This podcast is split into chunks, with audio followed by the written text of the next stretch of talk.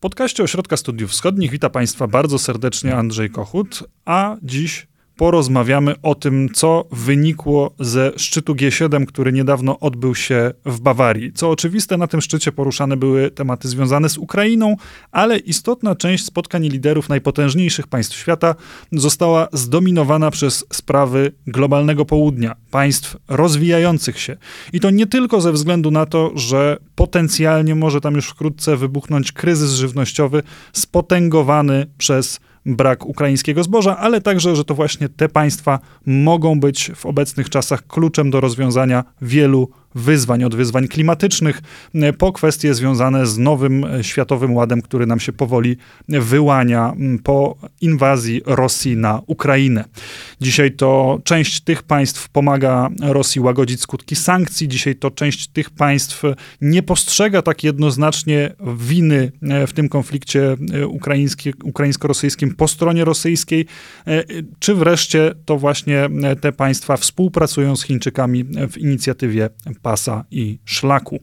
Czy państwom zachodnim uda się odwrócić tę niekorzystną dynamikę na globalnym południu? O tym porozmawiam dzisiaj z analitykiem Ośrodka Studiów Wschodnich, Jakubem Jakubowskim. Witam cię serdecznie. Dzień dobry. To jest podcast Ośrodka Studiów Wschodnich.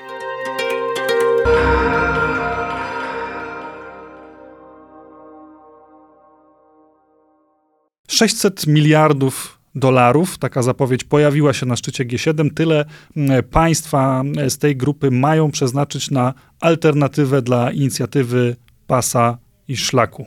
Liczba brzmiąca imponująco. Pytanie, czy stoi za nią imponująca odmiana dynamiki w tym obszarze świata.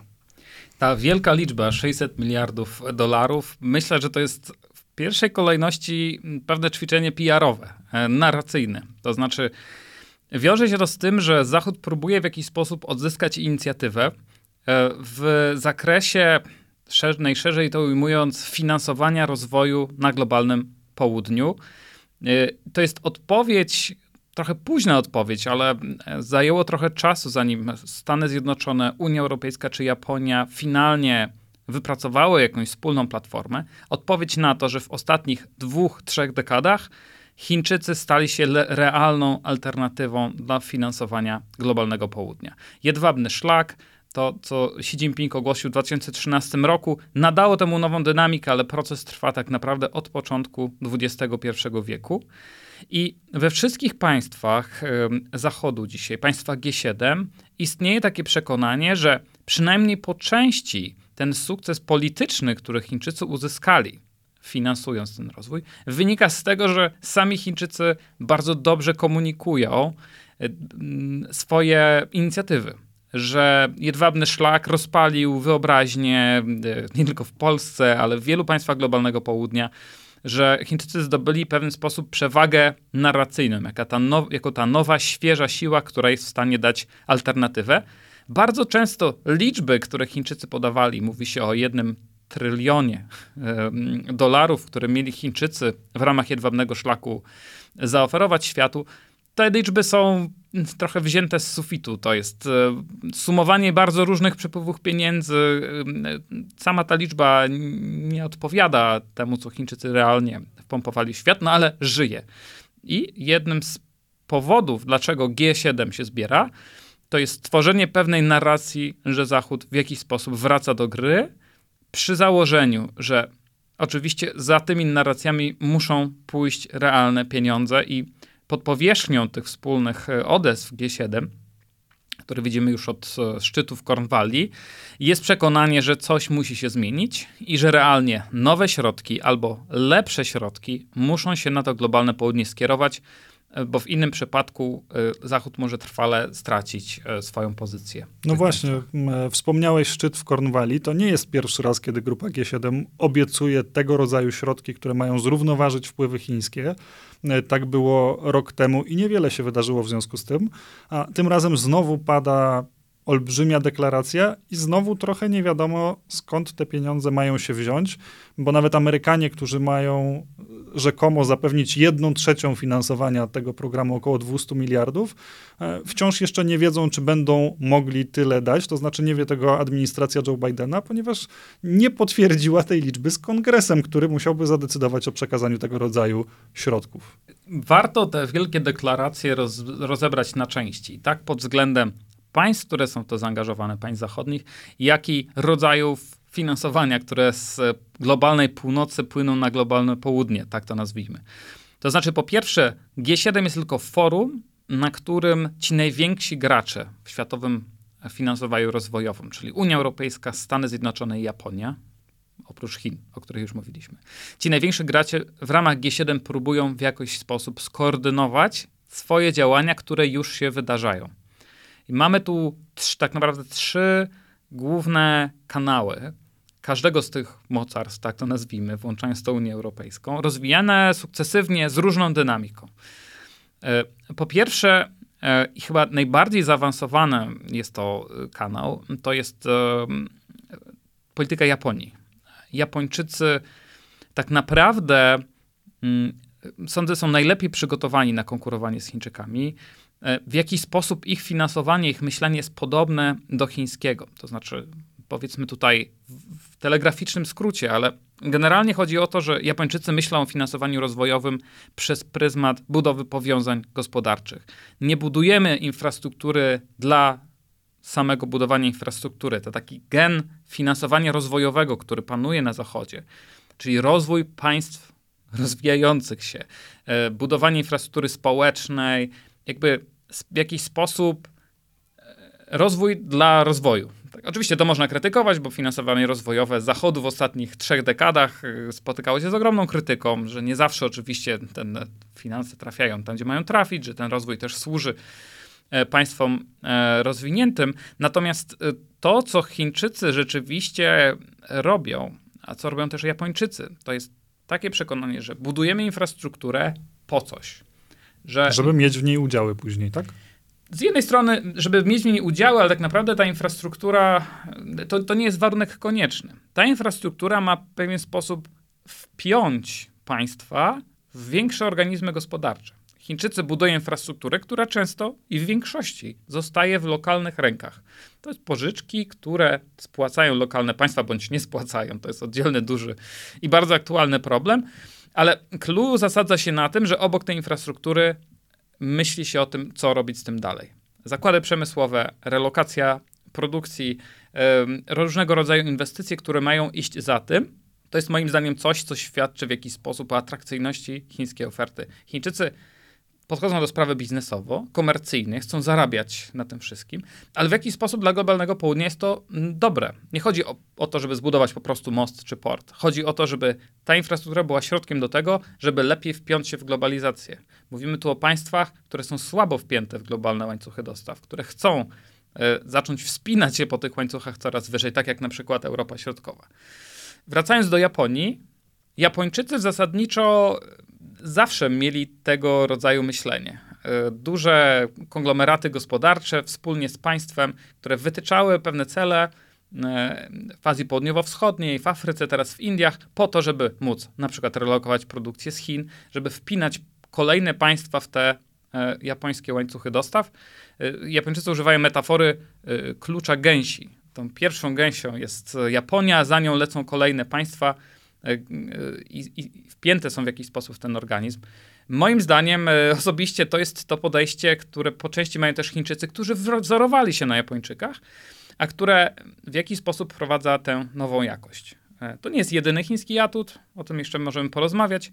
Natomiast Japończycy w tej logice mniej więcej, ale z założeniem, że jest to bardziej transparentne, że jest to bardziej przyjazne środowisku, że jest to atrakcyjniejsze w jakiś sposób, mm, próbują e, światu coś zaoferować w ramach tak zwanej inicjatywy jakościowych inwestycji infrastrukturalnych. Są różne na to slogany, ale to się dzieje. No dobra, mówiłeś o e, trzech sposobach, w jaki Zachód już dzisiaj angażuje się w tą pomoc rozwojową. Model japoński to byłby tutaj numer pierwszy. Co dalej? Mamy Stany Zjednoczone, które są bardzo ciekawym przykładem, bo mm, dokonała się tam pewnego rodzaju rewolucja finansowania rozwojowego za czasów Trumpa. E, ten, ten wielki, ogromny na kilkadziesiąt tysięcy ludzi konglomerat rozwojowy skupiony wobec, wokół USAID został zreformowany. Powołano nowe instytucje, nowe prawo, które miało na celu skierowanie tych pieniędzy rozwojowych, które Amerykanie generują, ale zaprzęgnięcie ich do ściśle politycznych celów. Przede wszystkim powstrzymywania Chińczyków i wypierania Chińczyków. Ta reforma została rozpoczęta w 2018 roku. Powoli, powoli Amerykanie jakby przekalibrowują cały system, co nie jest łatwe, bo robią to ludzie, którzy przez kilkadziesiąt lat po prostu skierowani byli na rozwój globalnego południa jako taki. Natomiast widać zmianę perspektywy. To ma być geopolityczne narzędzie, tak to nazwijmy, e, powstrzymywania chińskich wpływów.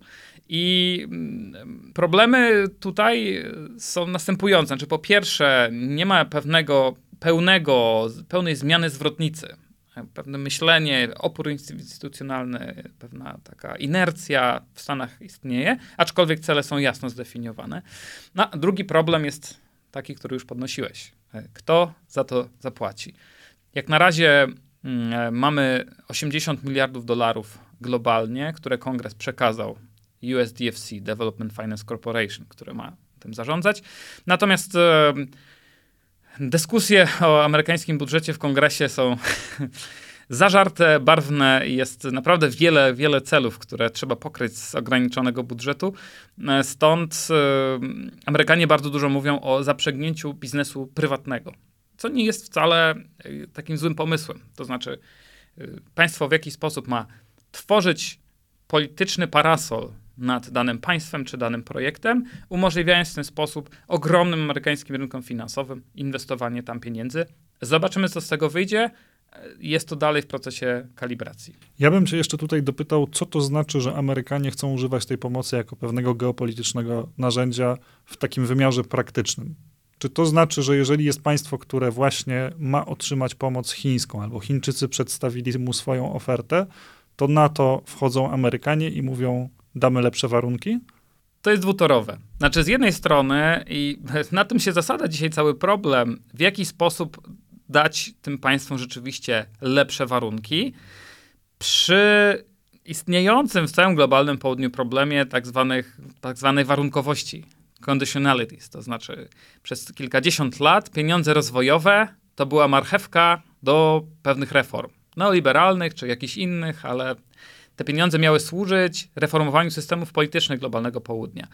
I tutaj, jak rozumiem, oferta chińska w ostatnich latach była atrakcyjniejsza, bo Chińczycy podchodzili biznesowo, to znaczy mówili, tutaj są pieniądze na rozwój, nie wymagamy od was wcale, byście byli kwitnącą demokracją albo byście respektowali prawa człowieka. Co mówili wcześniej Amerykanie albo e, państwa Europy Zachodniej.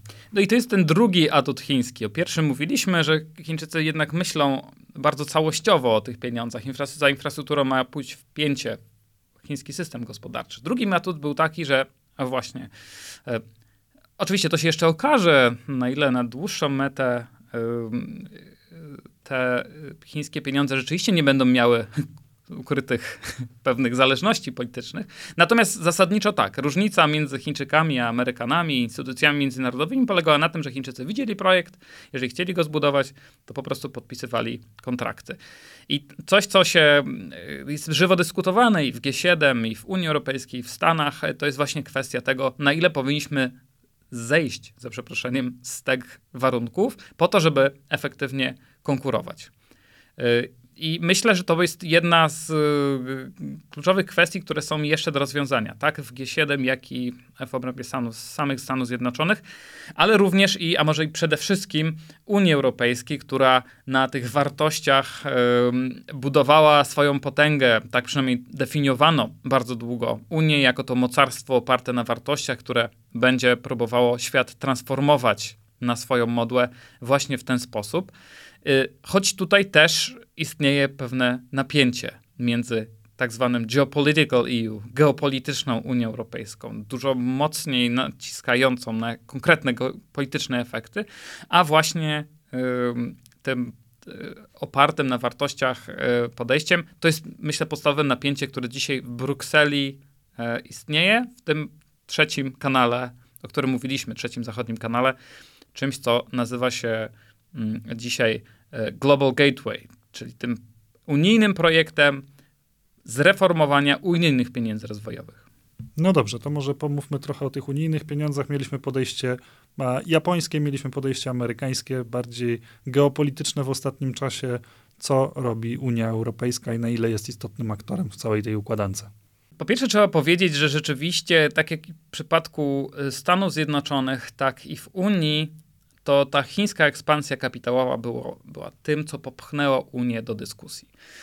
Unia Europejska ma bardzo trudną dla siebie rolę dzisiaj, ponieważ realnie rzecz biorąc, patrząc na całą pomoc rozwojową, czyli granty, pieniądze darowane e, pod pewnymi warunkami globalnemu południu oraz kredyty eksportowe i różne inwestycje, jakby sumować to wszystko razem, Unia jest ważniejsza z punktu widzenia finansowania globalnego południa niż Chiny. Problem polega na tym, że te pieniądze przechodzą przez dziesiątki różnych kanałów państw członkowskich, podmiotów prywatnych, pieniędzy z Komisji Europejskiej, nie mając pewnej spójnej narracji, nie będąc skoordynowanym, y, skoordynowanymi. I Unia Europejska u zarania tej, tego pomysłu reformy było po prostu zakomunikowanie polityczne tego. Halo, my też jesteśmy obecni na globalnym południu. Wiele z tych dróg, mostów, e, sieci światłowodowych, których korzystacie, to są tak naprawdę unijne pieniądze. E, więcej często było tak, że elementy systemów transportowych czy energetycznych budowane były przez Europę. Mm, do tego dochodzili Chińczycy, budowali jeden wielki, świetnie rozreklamowany projekt i zgarniali ten cały bonus, dywidendę polityczną za to, co globalne południe w danym przypadku przeżywało. Więc jeden z pierwszych pomysłów był taki, żeby po prostu lepiej komunikować to, co my robimy. W jaki sposób to, co w Polsce widzimy, e, tabliczki z finansowaniem unijnym, e, które widać przy każdej inwestycji. Pomysł taki, żeby po prostu zwiększyć świadomość na globalnym południu, że hej, my też jesteśmy tutaj ważni. Natomiast to nie jest wszystko. Tak jak mówiłem na samym początku i samym G7, to nie jest tylko i wyłącznie PR-owe przedsięwzięcie.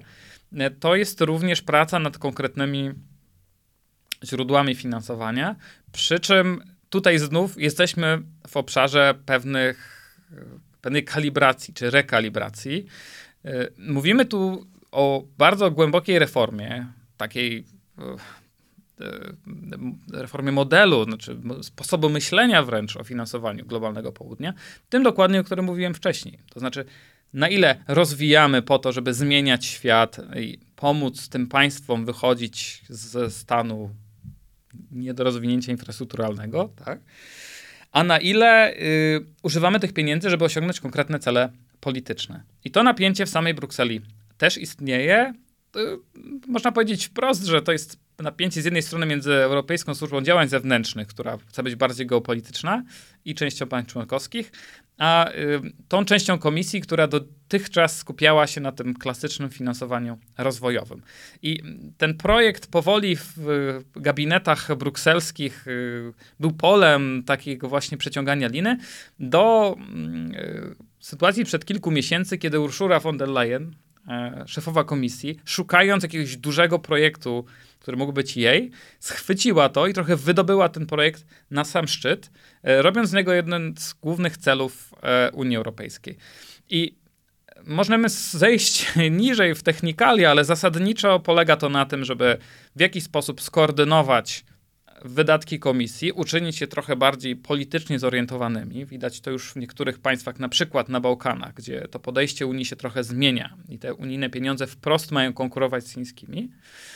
Do tego dodać większą koordynację w tym, co się nazywa Team Europe, czyli pieniędzy państw członkowskich, bo potentaci finansowania rozwojowego jak Niemcy, Francja, Holandia, czasem Hiszpania, Portugalia, czy nawet państwa Europy Środkowej, często działają w różnych kierunkach. Więc idea jest taka, żeby z jednej strony trochę zreformować te pieniądze, z tej koperty skierowanej na rozwój społeczny, przenieść pieniądze na rozwój twardej infrastruktury, żeby nadać temu polityczną czapę, polityczne cele, które by były jasne, a do tego jeszcze zwiększyć koordynację w ramach państw członkowskich. Widać z tego obrazu, jak niesamowicie trudne jest to przedsięwzięcie. To jest gra na wielu fortepianach naraz i obecnie jesteśmy w momencie, kiedy ważą się losy tych pieniędzy. Gdzie realnie one będą kierowane, kto będzie je wydawał i na co będzie je wydawał.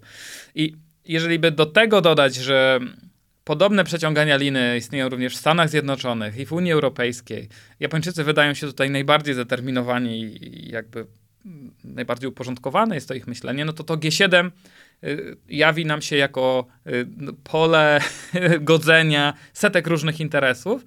No ale co jest ważne? Po pierwsze, proces idzie do przodu, y, realnie nowe pieniądze się pojawiają, no ale przede wszystkim połączenie tych trzech sił Stanów Zjednoczonych, Japonii i Unii Europejskiej to jest skala finansowania, która jest niedostępna nawet dla Chińczyków. I jest to jeden z głównych filarów e, tego, co nazywa się sojuszem państw podobnie myślących, like-minded nations, który widzimy w interakcjach między e, tymi trzema wielkimi biegunami e, gospodarczymi. To teraz pytanie, w jaki sposób te pieniądze, nawet jeżeli ich skala jest nieporównywalnie większa od chińskiej, mają się stać atrakcyjne dla państw globalnego południa? Bo rozumiem, że państwa zachodnie mogą do pewnego stopnia zrezygnować z tej warunkowości, gdzieś dokonać pewnych koncesji, uznając, że to jest konieczne, żeby przynajmniej część tych państw zachęcić do, do skorzystania z tych funduszy, ale dalej jakiegoś rodzaju warunkowość chyba istnieć musi, jeżeli to w ogóle ma mieć sens dla tych like-minded nations, żeby płynęła z tego jakakolwiek korzyść dla państw G7 i państw e, towarzyszących, a nie było to tylko e, przekazywaniem pieniędzy do e, państw biedniejszych takim zwykłym transferem. Jak to zbalansować i jak sprawić, żeby ta oferta była atrakcyjniejsza od chińskiej, która przynajmniej na pozór przychodzi bez żadnych warunków poza finansowych, poza biznesowych? Żeby wytłumaczyć y, to, jak Zachód może realnie dodać coś do tego równania, trzeba spojrzeć na to, w którym momencie są dzisiaj Chińczycy. Bo to jest bardzo szczególny moment i można by po postawić tezę, że ta wielka chińska ekspansja, ona w jakiś sposób się zacięła. To znaczy, jedwabny szlak 10 lat temu był czymś zupełnie innym niż dzisiaj, choćby z punktu widzenia finansowego. Od początku XXI wieku to chińskie finansowanie wlewało się niesamowicie szeroko e, w globalne południe. Przede wszystkim finansując infrastrukturę umożliwiającą wydobywanie i transportowanie surowców. Chiny były tym ogromnym hubem produkcyjnym, gdzie produkował cały świat, a Pekin miał zająć się dostarczaniem surowców. Co robił? I to w jakiś sposób to Zachód się do tego przyczynił, bo te wielkie fabryki zachodnie, japońskie, europejskie w Chinach produkujące, one pobierały surowce pierwotne od wielkich chińskich spółek państwowych, które inwestowały na globalnym południu, żeby zapewnić e, rudy, węgiel, ropę, e, całą tablicę Mendelejewa. No i e, dopóki ten, ten model działał w ten sposób, a same Chiny również bardzo szybko rosły, budowały infrastrukturę u siebie, potrzebowały tych pierwotnych surowców, ten popyt był ogromny i to dawało Chińczykom niesamowitą, z jednej strony potencjał do tego, żeby coś robić na globalnym południu, z drugiej strony bardzo duże przepływy finansowe. Te nadwyżki, które Chińczycy generowali bez przerwy z tego wszystkiego, mogły być reinwestowane na globalnym południu. I 2013 rok, kiedy Xi Jinping ogłosił nowy jedwabny szlak, to w zasadzie było to samo, tylko jeszcze więcej. Z lepszym politycznym opakowaniem, o którym już mówiliśmy, które Chińczycy powiedzieli jasno, że ta wielka finansowa ekspansja ma doprowadzić do określonych celów politycznych. To było to nowum. Ale jeśli chodzi o konkretne pieniądze i projekty, to była pełna kontynuacja z pewnym politycznym przyspieszeniem, bo kiedy sam Xi Jinping powiedział, że trzeba iść na globalne południe i wydawać jeszcze więcej, budować jeszcze więcej, no to chińskie doły partyjne, prowincje, państwowe spółki rzuciły się tam i zaczęły e, pożyczać pieniądze globalnemu południu i budować za to infrastrukturę chińskimi siłami. To był swoją drogą sposób na wyjście z kryzysu e, 2008 roku. Wtedy Chińczycy, kiedy cały świat szedł w dół, zrobili ogromną ekspansję infrastrukturalną w samych Chinach. Zaczęli lać beton. Zaczęli lać beton i Chiny przeszły w miarę suchą stopą przez 2008 rok i późniejsze kryzysy, właśnie lejąc beton. I około 2012 roku Pekin zrozumiał, że nie da się już lać betonu w takich ilościach w samych Chinach, więc pomysł był następujący. Weźmy te całe moce produkcyjne, produkcji cementu, stali, przekaźników teleinformatycznych i tak dalej, i tak dalej. Wyjdźmy do globalnego południa i pożyczmy im mnóstwo pieniędzy, które wydadzą w naszych fabrykach. Fast forward do 2022 roku, chociaż problemy zaczęły się już wcześniej, ta maszyna się zacięła. Zacięła się z takiego powodu, że po pierwsze, to nie był zrównoważony model. Chińczycy pożyczali pieniądze na globalnym południu i znakomita większość tych pieniędzy od razu wracała do Chin. Więc państwa globalnego południa zostawały z nabudowaną infrastrukturą, co trzeba oddać Chińczykom. Ta infrastruktura tam jest. Z większości całkowicie w lokalnych rękach. Zostawały z tą infrastrukturą, ale i z ogromnym długiem. Mówiłem o tym, że Chińczycy przy okazji inwestowali, ale dla wielu państw wydanie kilku miliardów dolarów na linię kolejową czy na port to ciężar o niesamowitej wadze, który ciągnął ich w dół. Więc u zarania tego modelu był pewien podstawowy problem, to znaczy generowaliśmy gdzieś aktywność gospodarczą i ona znakomitej większości odsysana była od razu do Chin i tam napędzała PKB. Więc skoro PKB było wytwarzane w Chinach, no to z czego spłacać długi na globalnym południu? To wszystko zastało Chiny, znaczy to, inaczej, y, ta sytuacja, z tą sytuacją na miejscu na globalnym południu świat wszedł w COVID. W ogromne problemy gospodarcze. Wszedł również nieco wcześniej w zmianę modelu chińskiego rozwoju, gdzie tych inwestycji forsownych w samych Chinach nie ma już tak dużo, więc i surowców z globalnego południa nie potrzeba tak dużo. Nagle się okazało, że ta infrastruktura została nabudowana e, w bardzo dużym stopniu. Skala e, pożyczek dla globalnego południa, ona jest porównywalna tylko z latami 70., kiedy pieniądze płynęły do Zatoki Perskiej, mieliśmy y, kryzys związany z cenami energii i ogromne pieniądze, które, global, które Zatoka Perska reinwestowała na globalnym południu. Wielki wzrost długu na globalnym południu, w tym na przykład również w Polsce, e, bo to nie tylko globalne południe.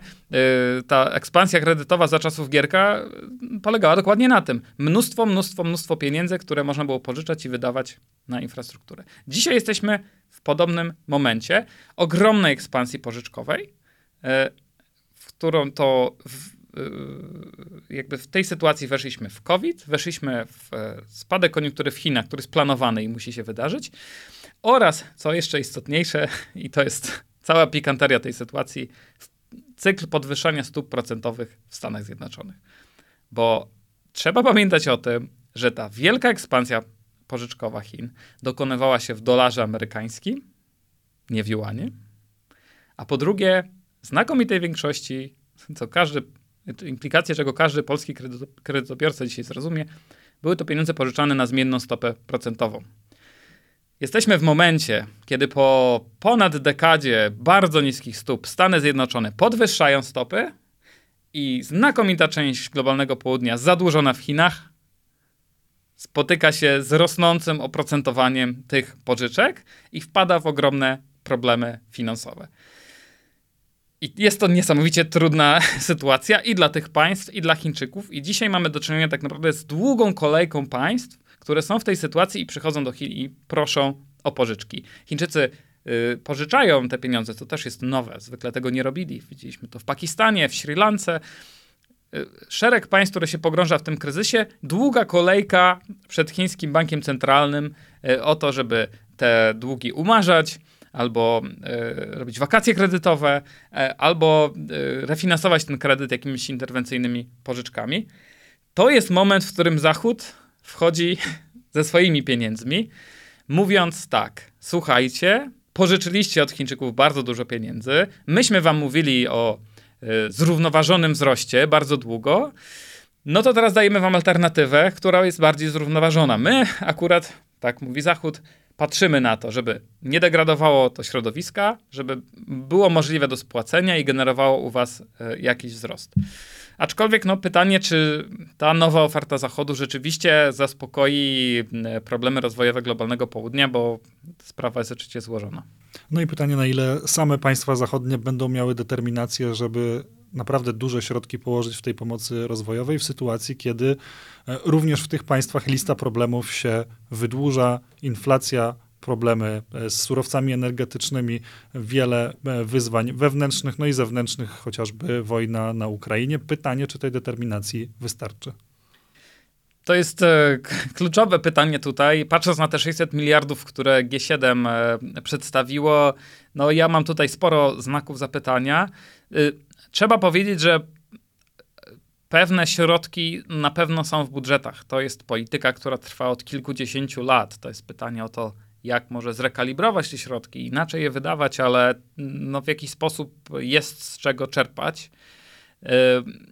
Bardzo ważnym elementem rozmów w G7, rozmów w Unii Europejskiej i w Stanach Zjednoczonych jest to, o czym mówiłem, w jaki sposób e, zaangażowanie biznesu prywatnego, rynków finansowych.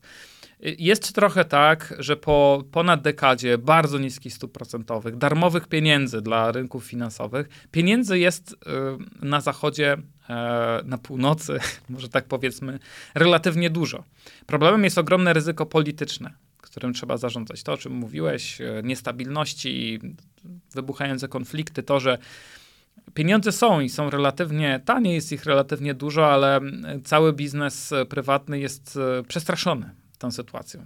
Mamy ruchy deglobalizacyjne, rwanie łańcuchów dostaw, konflikty, no wszystkie te zawiruchy globalne, w które teraz wkraczamy. Być może jakimś wyjściem będzie po prostu nie e, dosypywanie z budżetów e, państw e, zachodnich, z Unii Europejskiej czy, czy Stanów Zjednoczonych, ale właśnie wypracowanie jakiejś formuły dużo bardziej nie zarządzanej przez państwa, ale może w której państwa wyznaczają pewne kierunki, dają polityczny parasol, a to, to, to podnoszenie ciężarów e, e, naprawdę leży w gestii e, biznesu prywatnego, który, powiedzmy sobie szczerze, moim zdaniem, ma duży motyw, żeby inwestować na globalnym południu, bo mm, cała ta wielka mm, debata o inwestowaniu na globalnym południu i budowie infrastruktury nakłada się na drugą wielką debatę, to znaczy redukcji naszej zależności od Chin i od tego, że mm, trzeba, jeśli nie wychodzić z Chin, bo to by było bardzo kosztowne, e, ze względu na choćby rynek chiński, który sam sobie rośnie, to jednak nie możemy tkwić w sytuacji, które kluczowe surowce, kluczowe komponenty są produkowane tylko w Chinach. To jest na przykład logika japońska dzisiaj. To znaczy, tak, sytuacja jest trudna, tak, globalne południe nie ma aż tak rozwiniętej infrastruktury jak Chiny, tak, jest bardziej niestabilne politycznie, no ale musimy dywersyfikować. Tak, dlaczego Chin, Japończycy przychodzą e, do Indii, do Azji Południowo-Wschodniej, coraz bardziej do Afryki? Sam biznes rozumie, że po prostu musi to robić, więc e, sądzę, że to jest bardzo ważny element tej układanki. Genialny mechanizm o nazwie Inicjatywa Pasa i Szlaku się zaciął. Europejczycy i Amerykanie generalnie Zachód, Japonia również mają unikalną szansę, żeby trochę odwrócić dynamikę na globalnym południu. Pytanie, czy starczy im do tego determinacji, ale na pewno e, środki na to mogą i powinny się znaleźć, choćby dlatego, żeby w tych trudnych czasach nie pozostać w pełnej zależności od Chin. Bardzo Ci dziękuję za tą rozmowę. Jakub Jakubowski, analityk Ośrodka Studiów Wschodnich, był dzisiaj gościem podcastu. Dziękuję bardzo. Państwu, jak zawsze, polecam nasze podcasty, nasze produkcje wideo, które można znaleźć na platformie YouTube oraz oczywiście stronę Ośrodka Studiów Wschodnich. Dziękuję bardzo za wysłuchanie tego odcinka i do usłyszenia.